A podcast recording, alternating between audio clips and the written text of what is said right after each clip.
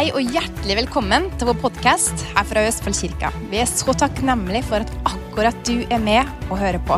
Og vi håper at dette vil være til oppmuntring og til inspirasjon for det. å preke til dere. Jeg syns det er skikkelig deilig. Um, delvis fordi jeg faktisk elsker å preke. Det er faktisk noe jeg koser meg med. Det starta ikke ut sånn. Jeg tror Første gangen jeg ble spurt om å preke, så tror jeg jeg var kvalm i en uke. Før jeg skulle gjøre det. Det virka helt grusomt. Men vet du hva? jeg tror det er egentlig sånn med alt nytt. Jeg følte en glede over det, og så følte jeg meg kvalm. Og da tenkte jeg da er det kanskje Gud, og så er det litt nytt og skummelt. Men nå elsker jeg det.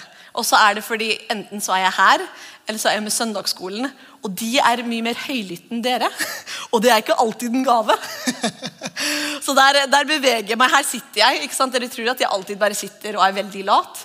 Men når jeg har søndagsskolen, da kan jeg love deg, da drar jeg frem alt det teaterevnene og liksom bøyeliv som plutselig ikke følger med. Så liksom kommer plutselig et bein opp og et eller annet rart bare for å få dem til å følge med. Men jeg drev og tenkte på det jeg skulle snakke om i dag. Og jeg alltid liksom sier at det, Når jeg snakker til dere, så er det um, kanskje Guds påminnelse til dere for, uh, for uka. Eller for året. Uh, men det er alltid noe som vi vet fra før av. Uh, og jeg tuller jo litt med det at dette vet vi, dette vet jeg. Men jeg vet at hvis jeg trenger en påminnelse av dette, så er det kanskje andre som gjør det òg. Og jeg tenkte på, Nå er det det nye året. Er det noen som har allerede klart å skrive riktig dato? Nå kanskje skriver vi ikke så mye liksom for hånd lenger. Men jeg husker når jeg gikk på skolen, og da måtte du alltid skrive navnet ditt og da liksom datoen. Så skrev vi feil dato liksom første månedene før vi endelig huska at det var år, nå er det år 2022. Er det riktig, Karlsen? 22? Er det det vi er i nå? Jeg klarer det allerede.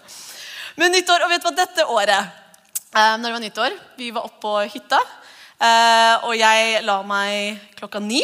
Men jeg sa til barna og til min mann jeg sa vekk meg kvart på tolv. fordi jeg hadde lyst til å være med på å skyte opp raketter, men jeg var trøtt. Så han vekka meg kvart på tolv, og så var det ut og skyte opp raketter og kose oss. og hadde det så flott. Og dette tror jeg er første året hvor jeg ikke har hatt noe nyttårsforsett. Det, hvor mange av dere har nyttårsforsett i hodet ditt? Ikke sånn skriftlig, Er det noen som har hatt noe på et eller annet nivå, så har du tenkt på nye nyttårsforsett? Ja, litt grann, noe. Jeg har kanskje hatt noen i bakhodet, da. Men av og til så har jeg gått inn i nyåret med en sånn superkonkret Nå har jeg sett tilbake på året som har vært, og dette skal vi gjøre fremover neste året. Så at neste år, når jeg står her og skyter opp raketter, så kan jeg si at dette var annerledes dette året. Uh, og jeg tror det er en veldig bra ting. Og jeg tror også vi har vært gjennom uh, siste årene har vært veldig annerledes. Så kanskje det er flere som er litt som meg, hvor um, kanskje nyttårsforsetter har forsvunnet litt borte, og man egentlig bare gir seg selv en sånn high five fordi man har overlevd litt annerledes år. Med korona, med kanskje masse sykdom, med kanskje karantener, kanskje mye frykt for jobb og for familie. og Alt av de greiene. Det er jo veldig annerledes. Så kanskje, kanskje plutselig forsvinner det litt bort, og man er bare veldig fornøyd at vi klarte oss gjennom dette året. Strålende? Nei, kanskje ikke, men vi klarte oss gjennom, og det er bra nok. Jeg har en venninne som um, har slitt med psykisk helse helt siden hun var liten. Og Hun av og til legger ut sånne posts på Instagram. Liksom, av og til så er seieren at du sto opp, og du gikk hvor du skulle gå, og du kom hjem igjen. og det var nok. Og det var seier for i dag. Og jeg tenker, vet du hva, Seier seier er sånn et rart ord. Seier, suksess, det er litt sånne ord som er pakka med så mye forskjellig. Men jeg tror det ser veldig annerledes ut og forskjellig eh, i forskjellige sesonger. At Av og til så er det ditt maks, og det er fantastisk og bra. Det vet jeg jeg sier ofte. Sånn som hun dama som kom og skulle gi når Jesus satt og så på i tempelet. og Alle skulle komme og gi det de hadde å gi. Og Da var det noen som kom med enorme store mengder, og de fikk applaus fra disiplene. Og andre kom og skulle imponere så veldig. Så kom dama som hadde sine to mynter ved seg. hvor enn mye det var. Men i den sesongen så betydde det, da var det alt. Og Jesus visste det. Og jeg bare tenkte at Uansett hvilken type år det er man ser tilbake på, og hvis man driver og gir året sitt terningkast, som jeg tror er en dum ting å gjøre, um, så tror jeg at Gud forstår kanskje året vi har hatt, mye bedre enn det vi gjør. Og han forstår sesongen vi har vært i, mye bedre enn det vi gjør. Så uansett om du kanskje er litt streng mot deg selv, eller streng mot hvordan man har tenkt man kunne håndtert ting, eller ting man ønsker man hadde gjort annerledes, eller bla, bla, bla, hva enn man driver og spinner igjennom når du tar liksom den vurderingen av året som har vært, um, så tror jeg Gud ser på vårt år med veldig annerledes øyne enn det vi kanskje gjør. Uh, og Han vil kanskje hjelpe oss å se tilbake på ting på en veldig annerledes måte. Fordi han vet at du kanskje tenker åh, Jeg gjorde så mye, men jeg kunne gjort mer. Men Gud som forstår hvordan vi er skapt, det er han som er sydd oss sammen. Det er han som har bygd oss og forstår hvordan hodet vårt tenker og hva vi har vært gjennom når vi var li. Alt sammen vet han. Så han vet at nei, du gjorde det kjempebra. Du ga masse. Nei, du var sterk. Du var mye sterkere enn du tror. Det her gjorde du kjempebra. Og da kanskje må vi virkelig høre på Gud og stole på det.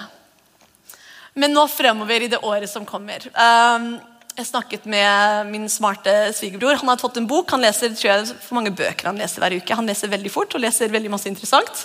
Så når, hver gang jeg snakker med DN, så er jeg litt smartere. Så jeg er så takknemlig. Så, og jeg er ikke redd, fordi han har forstått noe. Når, først, um, når han først kom inn i familien, så prøvde jeg å late som jeg var mye smartere enn det jeg var. Og da, og da ville han si masse smarte ting, for han har, uh, har en veldig kul jobb og veldig sånn fancy, gjør kule ting. Og da ville han si ting, jeg ville spørre han om jobben, så ville han si sånn ti ord som jeg virkelig visste ikke hva betydde. Og da ville jeg bare sitte der og bare nikke. og bare, ok.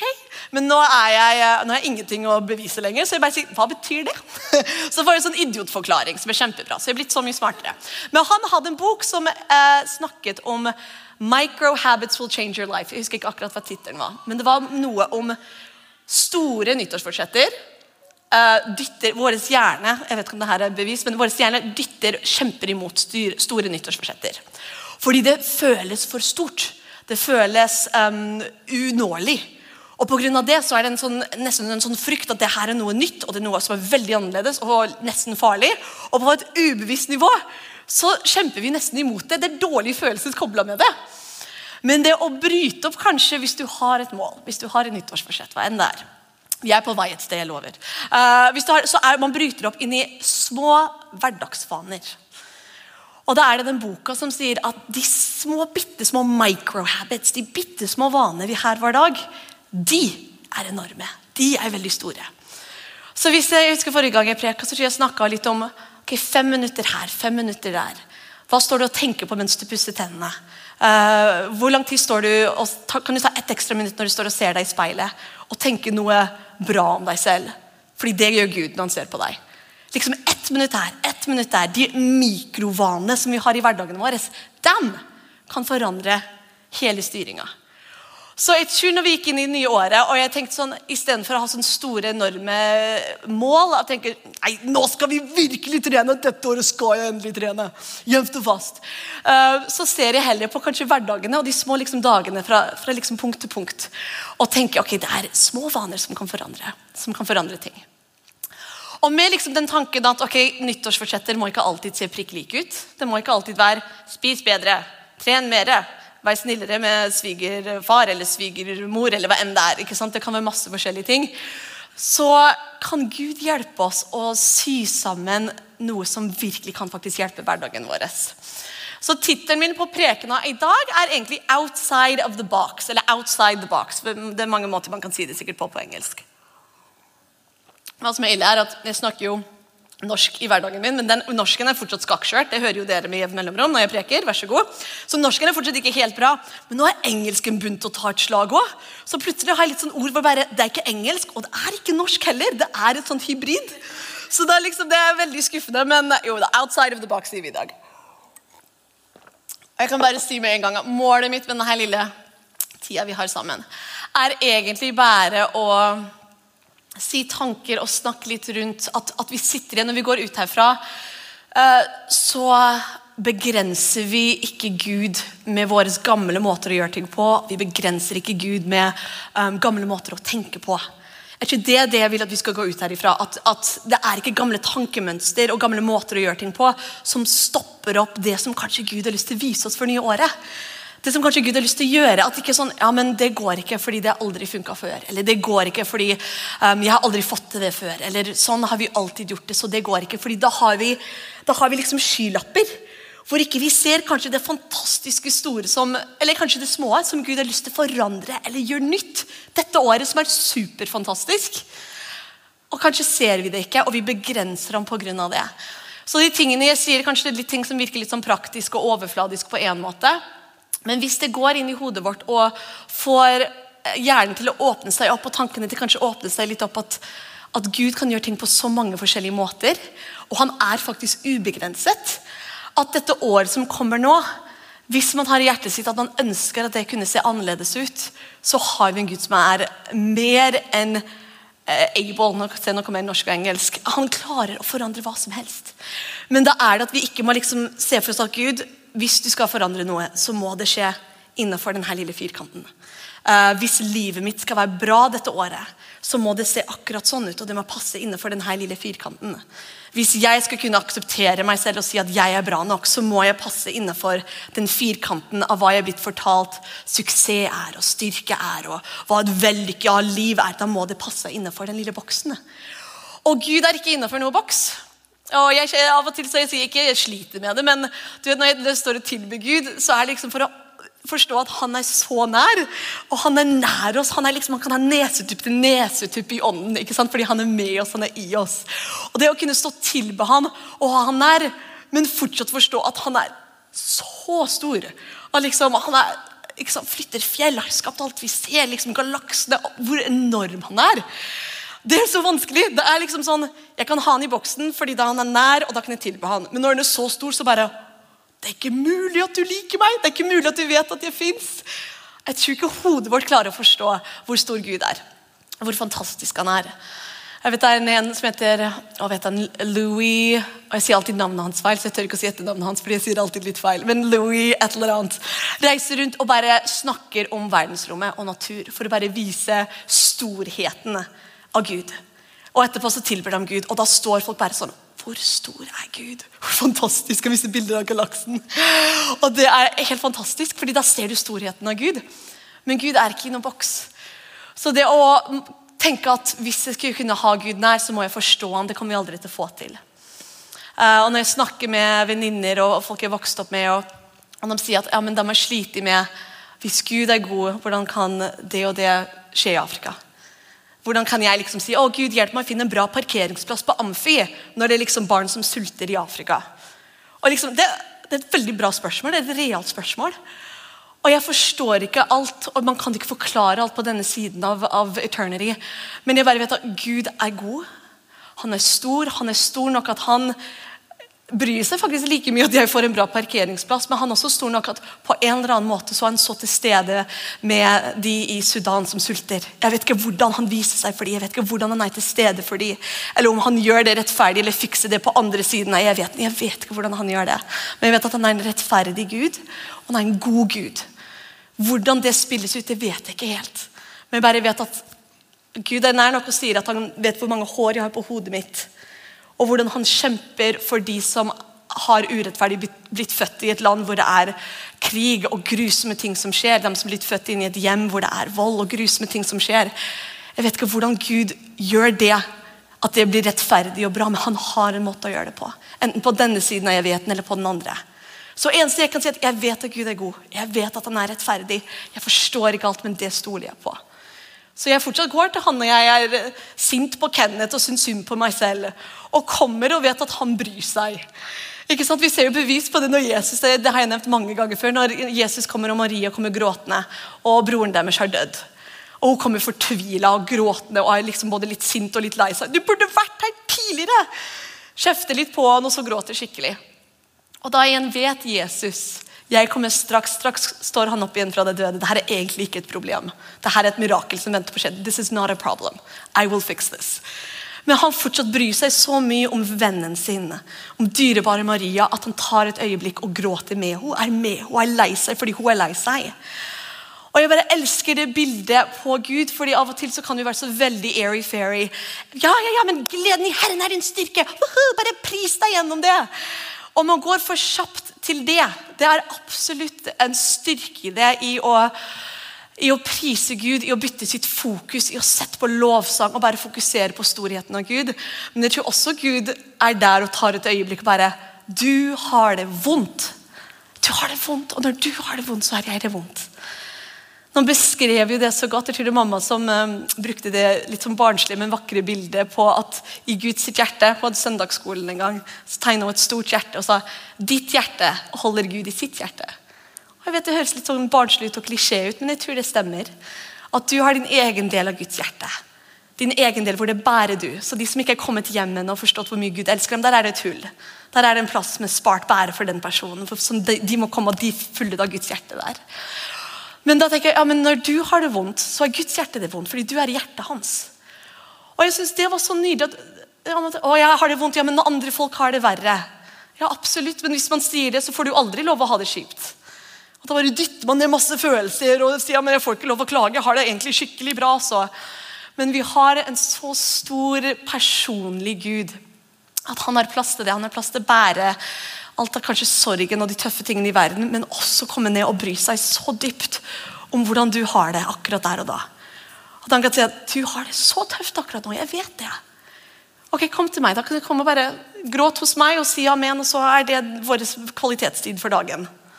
Du har jo hørt Hilde og Erik, mamma og pappa, som har delt det når de var gjennom tøffe ting.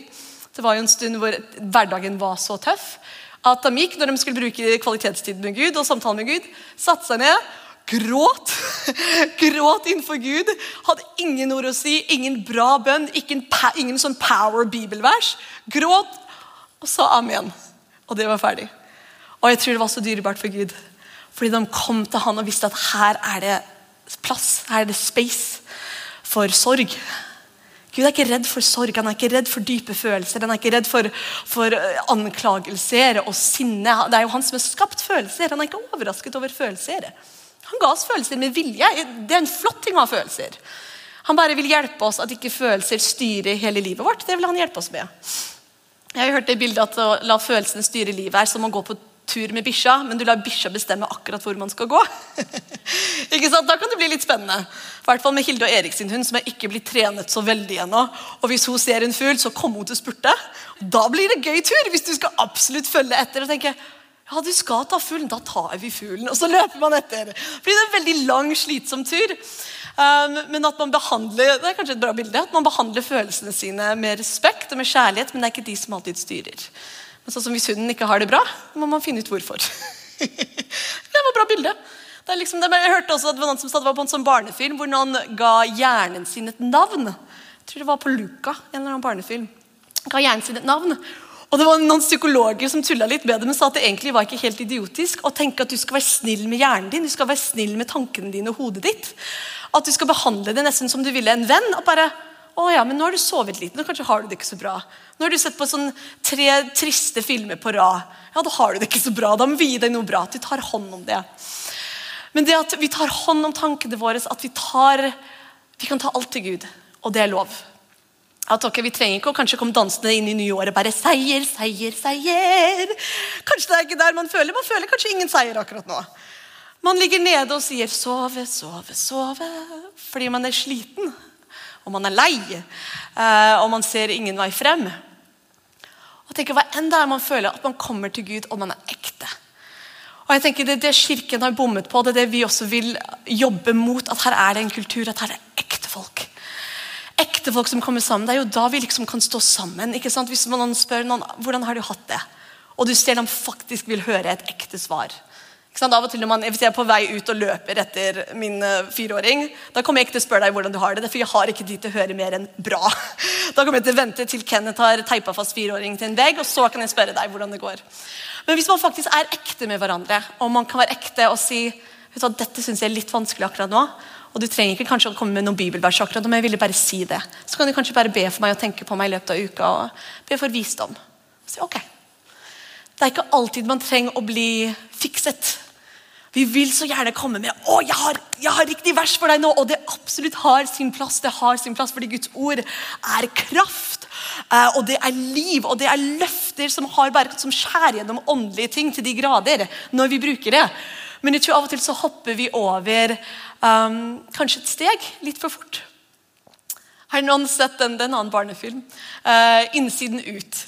Det er en barnefilm uh, som handler egentlig om uh, det sånne karakterer som er i hodet som viser forskjellige følelser, som tar styringen. Og De faktisk bruker denne på skoler nå for å undervise litt om sånn psykisk helse. og sånt. Og Da er det en som er glede, en som er sorg, en som er sinne en som er, jeg husker ikke hva de andre er, men det er liksom flere som da styrer ting. Og da hun som er glede, skal hele tiden, alt må være glad hele tiden. alt må være glad. Uh, og så er de ut på en eller annen sånn crazy reise, og hun har med seg sorg. Og hun syns sorg er så irriterende. Så sorg er en sånn lilla liten skapning, og glede er litt sånn grønn-gul. Uh, Uh, og hun syns sorg er så irriterende. Alt er så trist og, og så melankolsk. bare, Sorg burde ikke være her.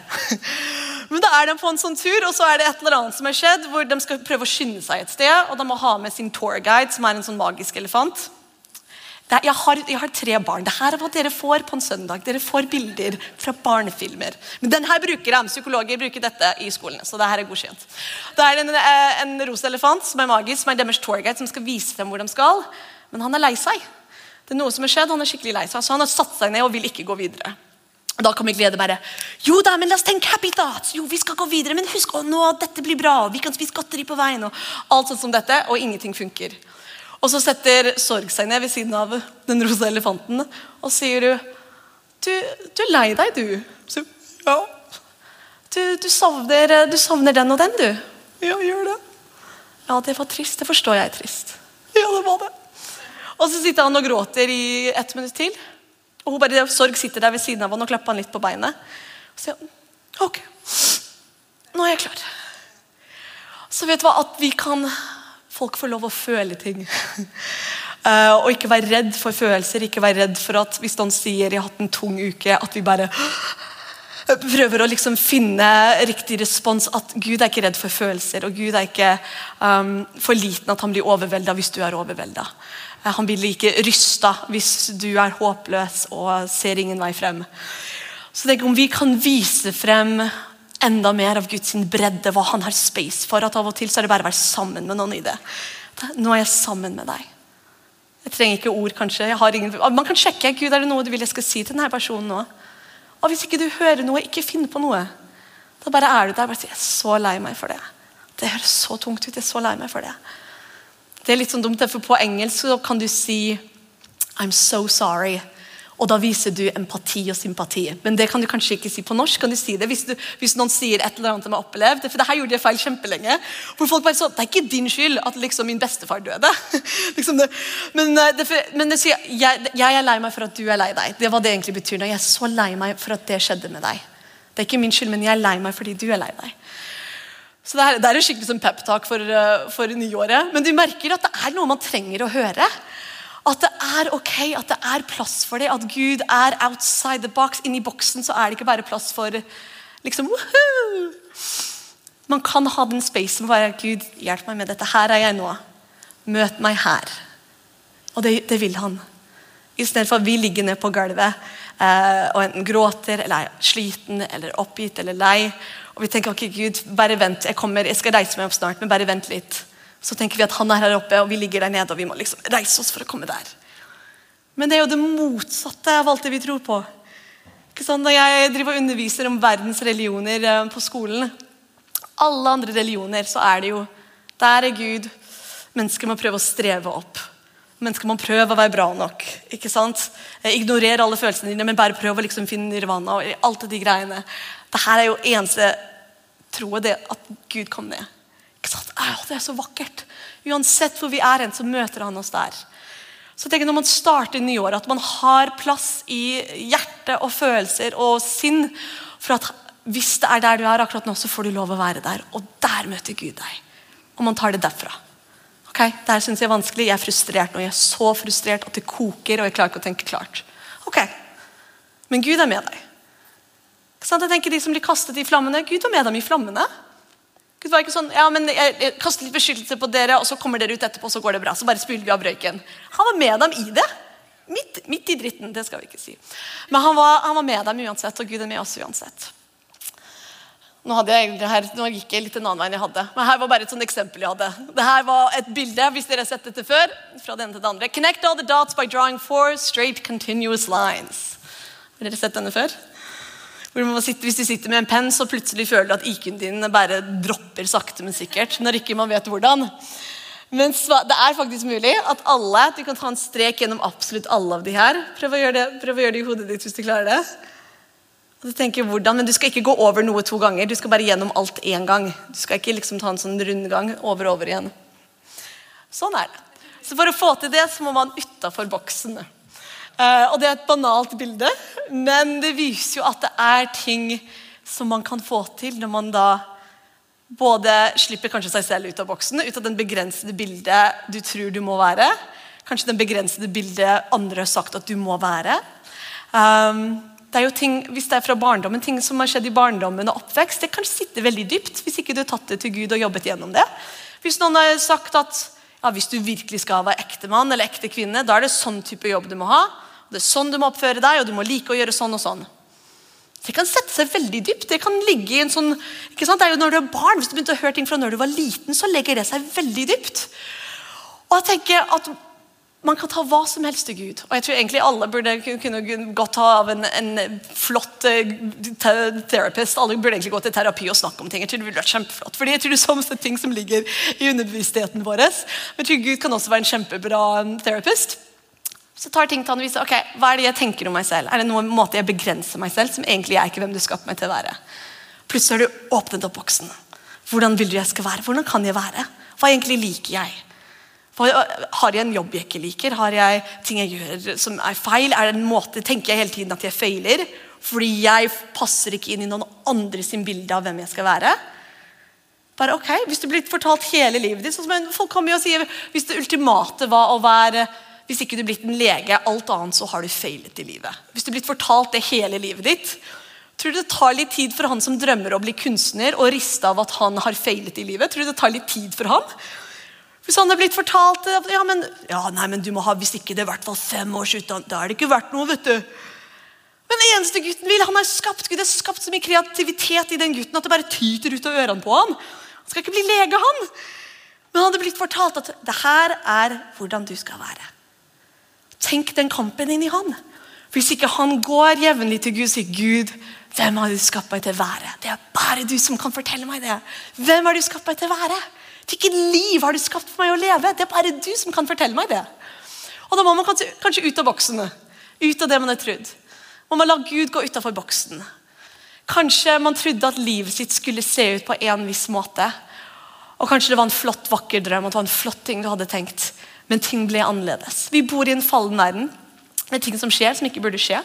Grusomme ting. Det er absolutt ingenting til å gjøre med Gud. Det er ondskap i verden som vil ødelegge. Så er det bare ting som skjer fordi det fins frivillige og folk tar dårlige valg. Så er det bare naturlige ting som bare, ting skjer som burde absolutt ikke skje. Men da kommer du med litt sånn knuste biter av hva du så for deg det skulle være. Og du tar det med til Gud og spør hva, hva skal du bygge nå? Nå har jeg mista planen. Jeg jobba med og lagde sånn keramikkrev. Så noen som har gjort det. Jeg har jo kunst og håndverk som fag på universitetet. Og Da lagde vi keramikk. Da sitter de med leire og et sånt hjul som går rundt og man former ting.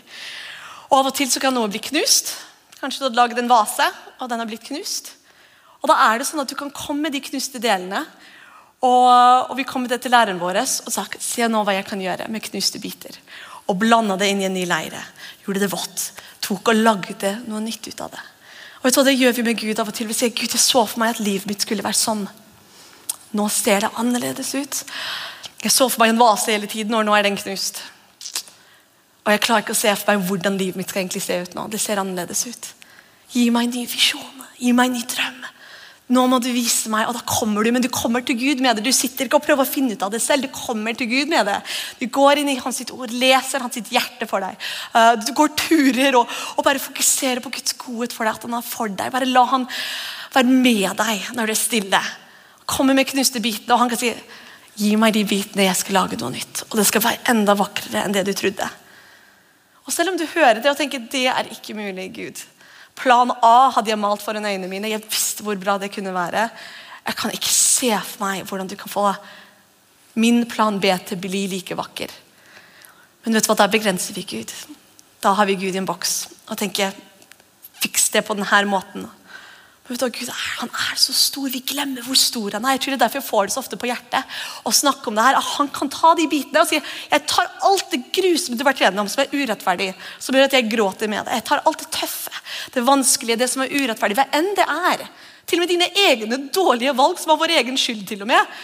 Jeg tar de og gir de det til meg, så kan jeg lage noe nytt og noe vakkert. Det ser annerledes ut, men det blir enda bedre når du gir det til Gud. Og Selv om inni deg så tror du det ikke, handle som om du tror det, så kommer det til landet etter hvert. Bare fortsett å presse inn til Gud. Bruk tid med å inn til Gud. Når folk sier det, så høres det så rart ut. Bare press inn Men det er bare at man make space Jeg liker det bedre på engelsk enn på norsk. Man lager plass for Gud i hverdagen sin. Det betyr ikke at du våkner to timer før sola står opp for å lese opp, men du har plass hvor Gud kan fylle det med en uh, tanke, en følelse. Bare det at man er bevisst at han er med. Hvis det betyr at før du løper ut, til hvis du er litt forsinka på jobben, du sitter noen minutter i bilen din og bare Gud, du er for meg, du er med meg, du elsker meg. Et eller annet bare sånn Lag plass. Jeg husker Gud sa det en gang, eller det kan være kanskje noen andre som sa det, men de hadde gjort en sånn bilde at Wherever you make space for me, I will fill it with something beautiful. Han litt sånn kunstnerisk uttrykk og hadde med et sånn bilde at hvor enn de lagde plass, at det var masse sånn svart og fylt med masse rot. Og Da var det sånn, noen som hadde viska ut noe. Og da med en gang det var litt plass, så kom det litt sånn vakker farge og krusediller. Og, jeg liker alt det kreative, som dere sikkert merker. Da ble det fylt med noe vakkert. Wherever you make space for me, I will fill it with something beautiful. Så er han plutselig til stede i hverdagen din på en helt annen måte. Og Jeg elsker også den tiden som jeg har med Gud. Jeg liker å ha litt sånn større bolk med tid. Det er jo som vanlige relasjoner. ikke sant? Meg og Kenneth er hverdagen sammen. Og i løpet av en hverdag så har vi det best når vi har øyeblikk med hverandre hele dagen. ikke sant? Plutselig kommer Kenneth og er kjempesøt og svaltser. Vi lagde lagd en ny dans. bare så dere vet. Det er blanding av salsa og vals. Så vi svaltser litt på kjøkkenet. Det gjorde han, det var hans første litt sånn på flørtemove når vi drev og var bare venner først. Så svaltsing har et sånn spesiell plass i hjertet mitt. Så da kom han og skulle lære meg nydans, for vi måtte stå på føttene hans. Ja, det er freidig, lille Kenneth. Da, da han veldig, eh, hadde en frimodighet. Og da vil vi være venner, men da skulle han vise meg hvordan å svalte seg. Så av og til så gjør han det, og vi har øyeblikk i løpet av dagen hvor vi connecter. Hvor jeg husker, der er du. Går og spør han om råd, eller sier nå er jeg lei fireåringsskriking. Nå må du ta det. Så Vi har øyeblikk sammen hele tiden. Men vi også planlegger å ha litt sånn større connection, hvor vi virkelig kan snakke og man kan connecte. ikke sant? Vi har date nights, vi har en lengre kanskje samtale og litt tid sammen på kvelden. Og det samme trenger vi med Gud. Så uansett hvordan det ser ut akkurat sånn som meg og Kenneth vi liker å gjøre ting sammen. Av og til går vi ut og står på skøyter, av og til så sitter vi og ser på Netflix i tre timer. Det varierer. Men vi er sammen. Men å ha den ekstra tiden med Gud er også viktig. Uansett hvordan det ser ut. Det trenger ikke å være en viss mengde, men det, det trenger å være noe. Noe hvor du har litt mer tid med Gud for relasjonen. Ikke sant? Men det igjen kan se helt annerledes ut. Trenger, før trodde man les et kapittel, be i tunger fem minutter, hør på tre gode lovsanger, ha gåshud'. Nå kan du gjøre din dag. Det var jo sånn før. jeg husker jeg tenkte det. Det var det når jeg var liksom 12 år og skulle begynne å bruke tid med Gud, så hadde jeg liksom oppskriften min som om jeg drev og bakte noe. bare. Og hvis ikke gåsehuden kom på slutten av liksom de tre sangene jeg hadde hørt på hele uka, så bare Ai, nå liker ikke Gud meg lenger. Så det er en levende relasjon, og han er med oss hele tiden. Det her var et bilde jeg tok. Her er bare, Det er veier, men de ser annerledes ut. Det er forskjellige veier. Det var en annen vei også, som var helt sånn, en sånn sykkelsti som var på et helt sånn stup. Men jeg fikk sånn eh, mageknip når jeg så det.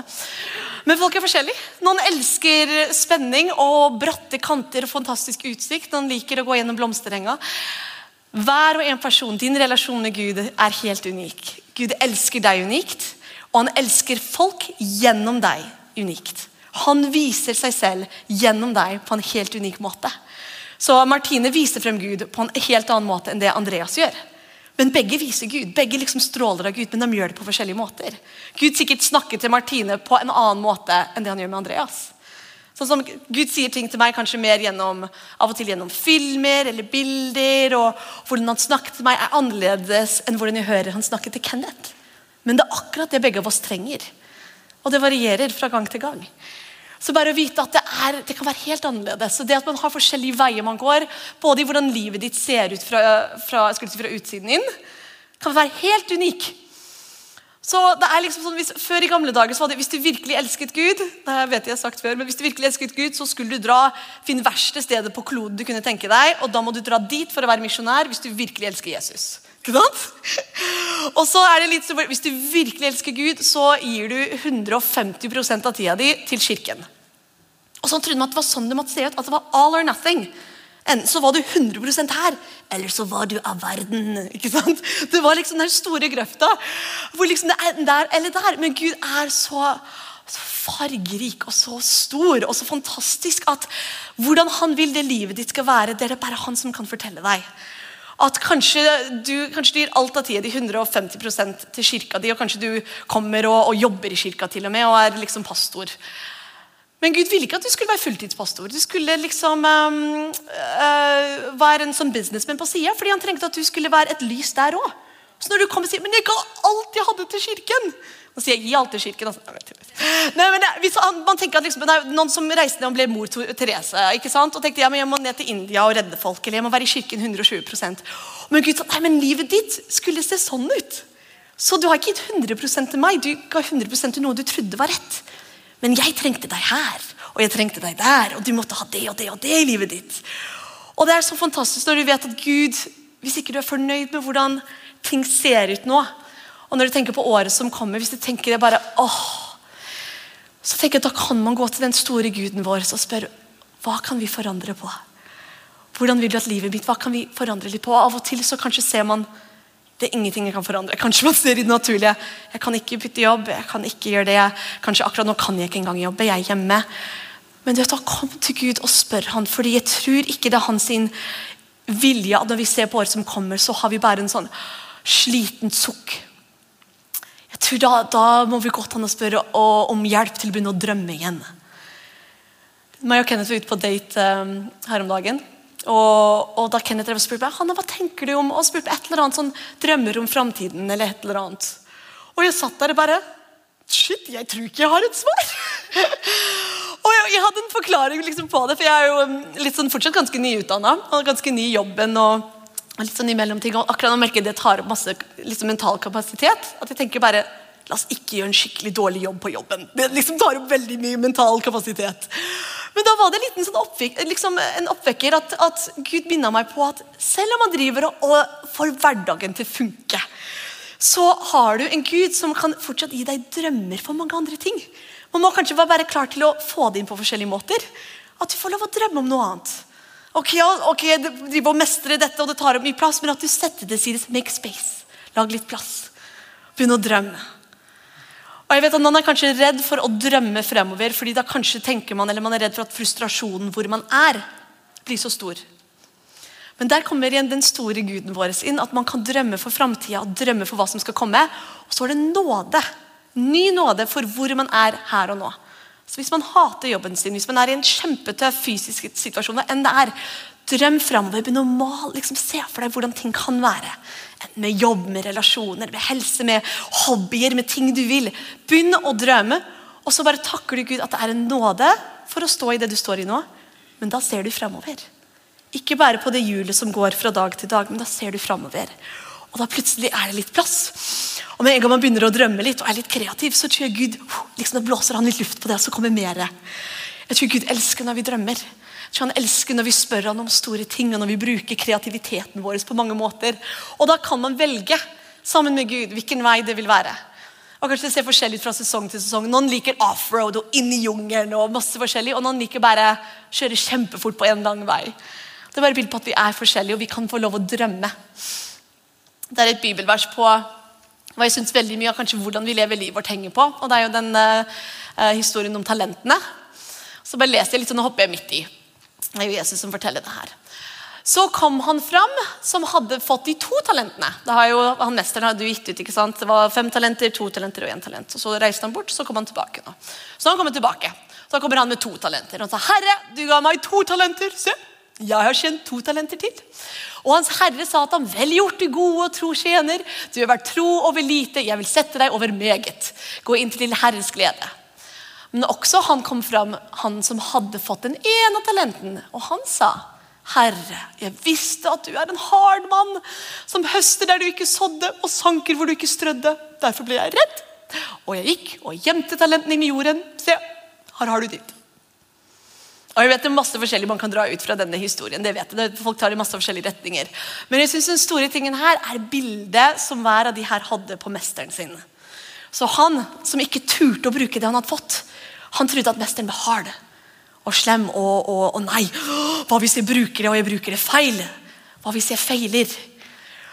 Og han tør ikke å bruke det. Og vet du, jeg tenker det Om vi lever det livet vi har her på jorda, som er egentlig ikke lang tid Hvis vi lever det ut av frykt uh, Jeg tror ikke Gud blir, jeg tror ikke han blir sint, men jeg tror vi kommer til å bli skuffa.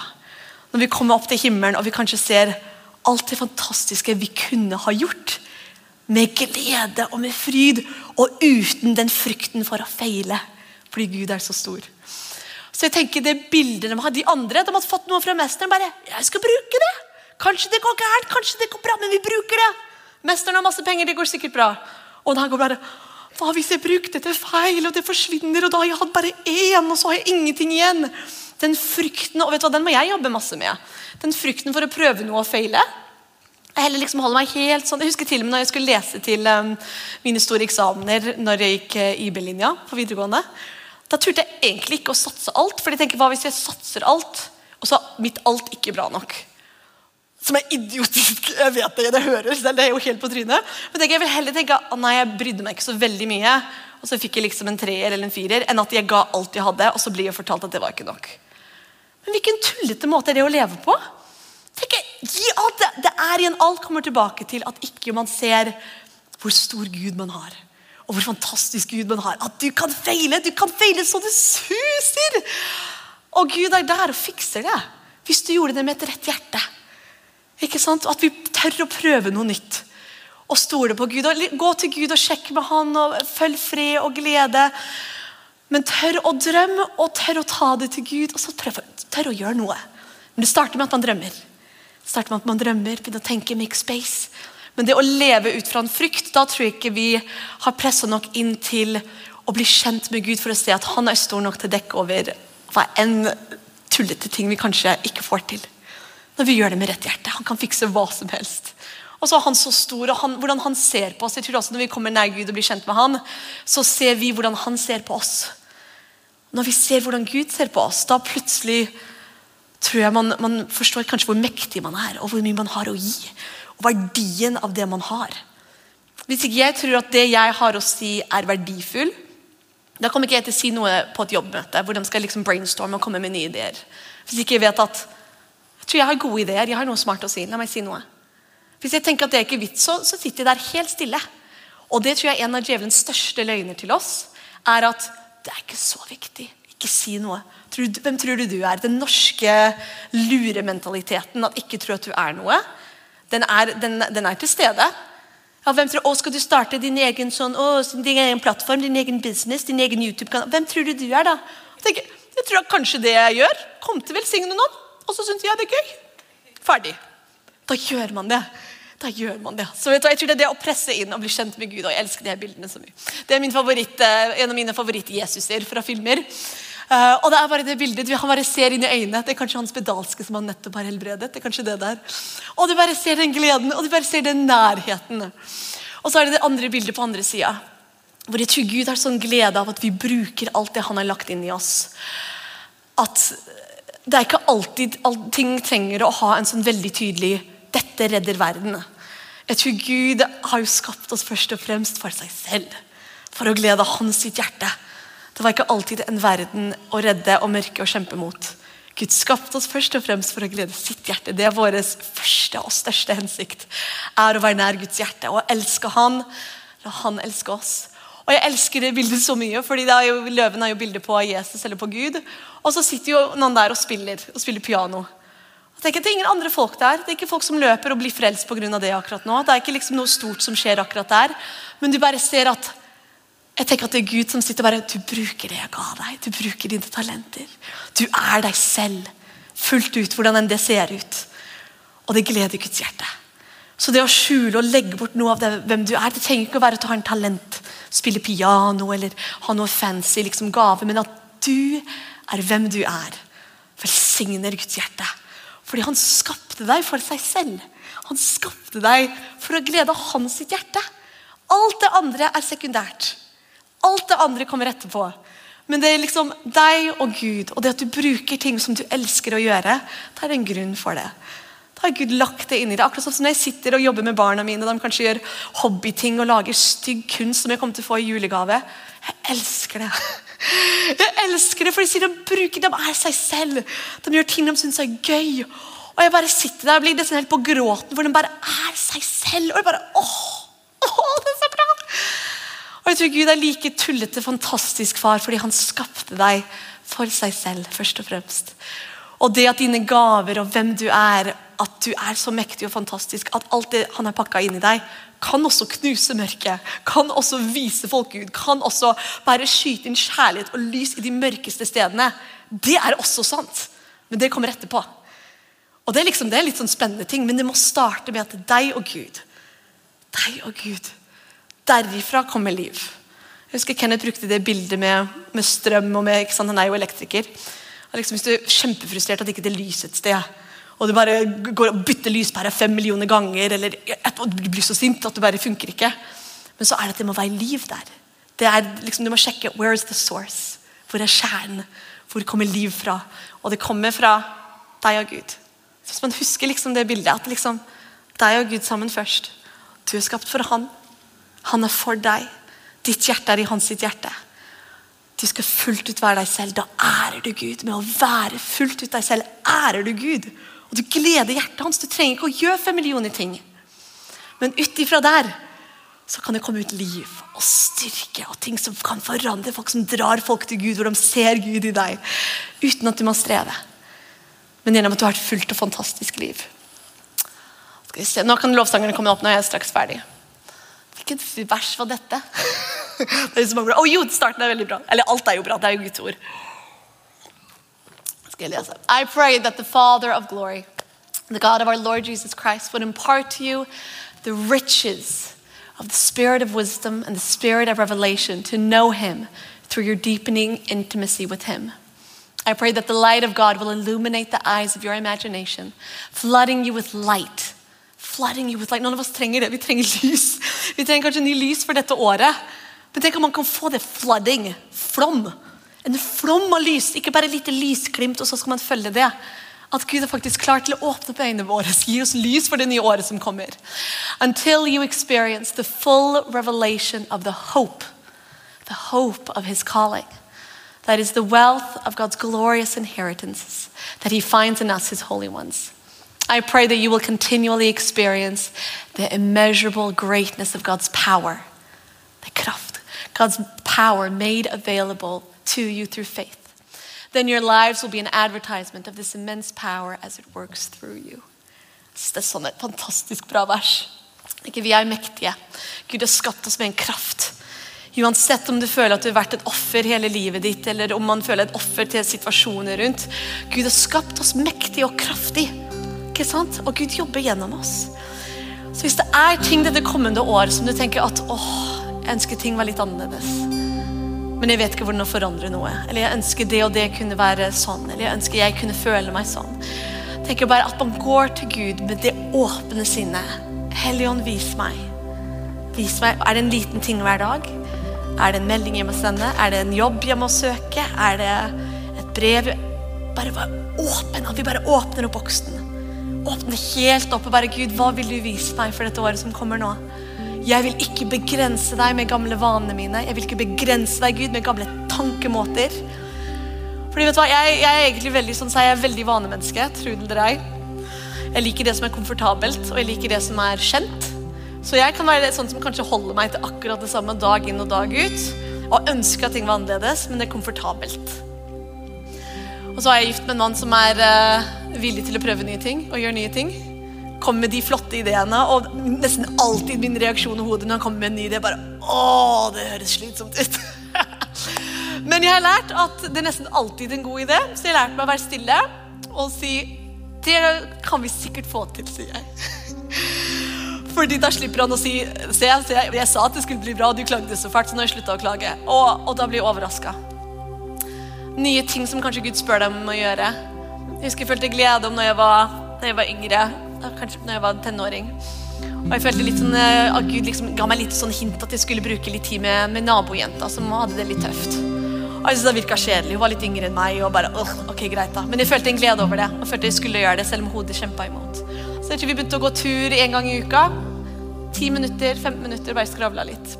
Og i starten ja, så ga jeg ut. Men hun i dag er en av mine beste venninner. Så noe som starta på en måte som så en måte ut, og som jeg syntes virka litt sånn rart og seigt, plutselig var noe som var en enorm glede i livet mitt. Kanskje, kanskje, du skal prøve noe nytt som virker skummelt. Kanskje du skal tørre å, å gjøre noe nytt som virker rart.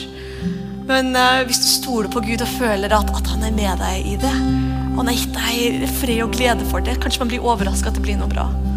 Som Kenneth kom nettopp med mediepause i huset vårt de siste dagene. Og han følte at det var noe han følte glede over, og jeg sa jeg føler ingen glede over det.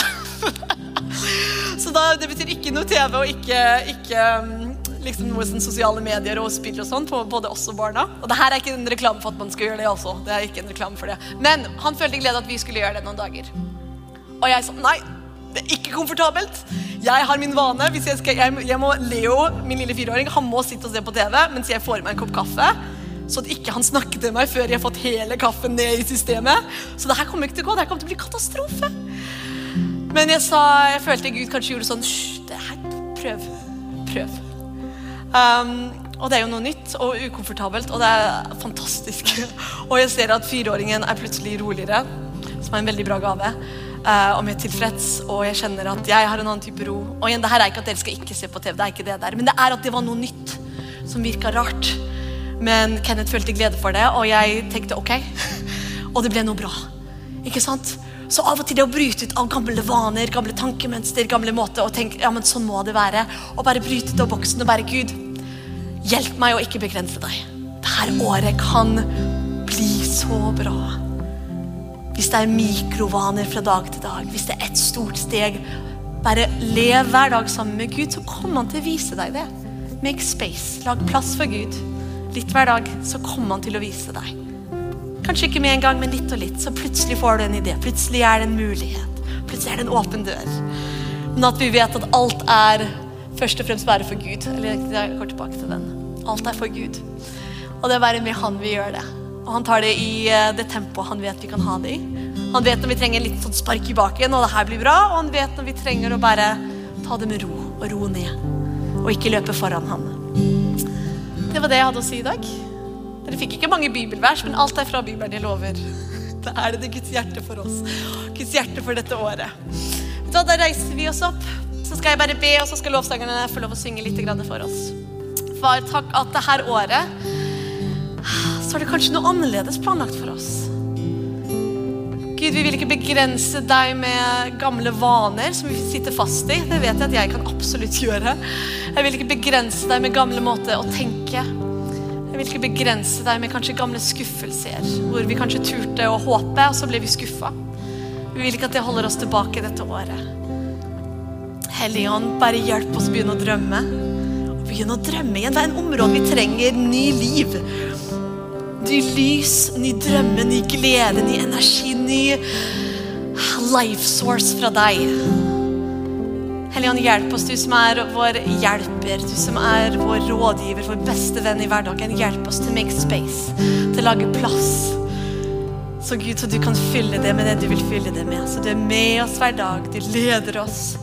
Og plutselig er det plass i vårt sinn og plass i vår dag til det du vil fylle det med Du kan lede oss, at vi kan begynne å føle en glede over det året som kommer, selv om vi ikke vet alt og ser alt. Så vet du at du er så stor. Du er så stor, og dine planer for oss er gode. Skreddersydd for oss, skreddersydd for hver enkelt. Og du vet hva vi trenger. Vi vil leve hver dag sammen med deg, Jesus. Hjelp oss å gjøre det, Hellige Ånd. Tusen takk for at du tuna inn og at du var sammen med oss på dette programmet. Vi håper det var til hjelp og til oppmuntring i din hverdag. Dersom du ønsker å ta kontakt med oss, kan du gjøre det via nettsida vår østfoldkirken.no. Og vi setter veldig pris på å få tilbakemeldinger dersom det programmet her har vært oppmuntring for det eller til hjelp for det. Så setter vi stor pris på å høre det. Ha en velsigna uke.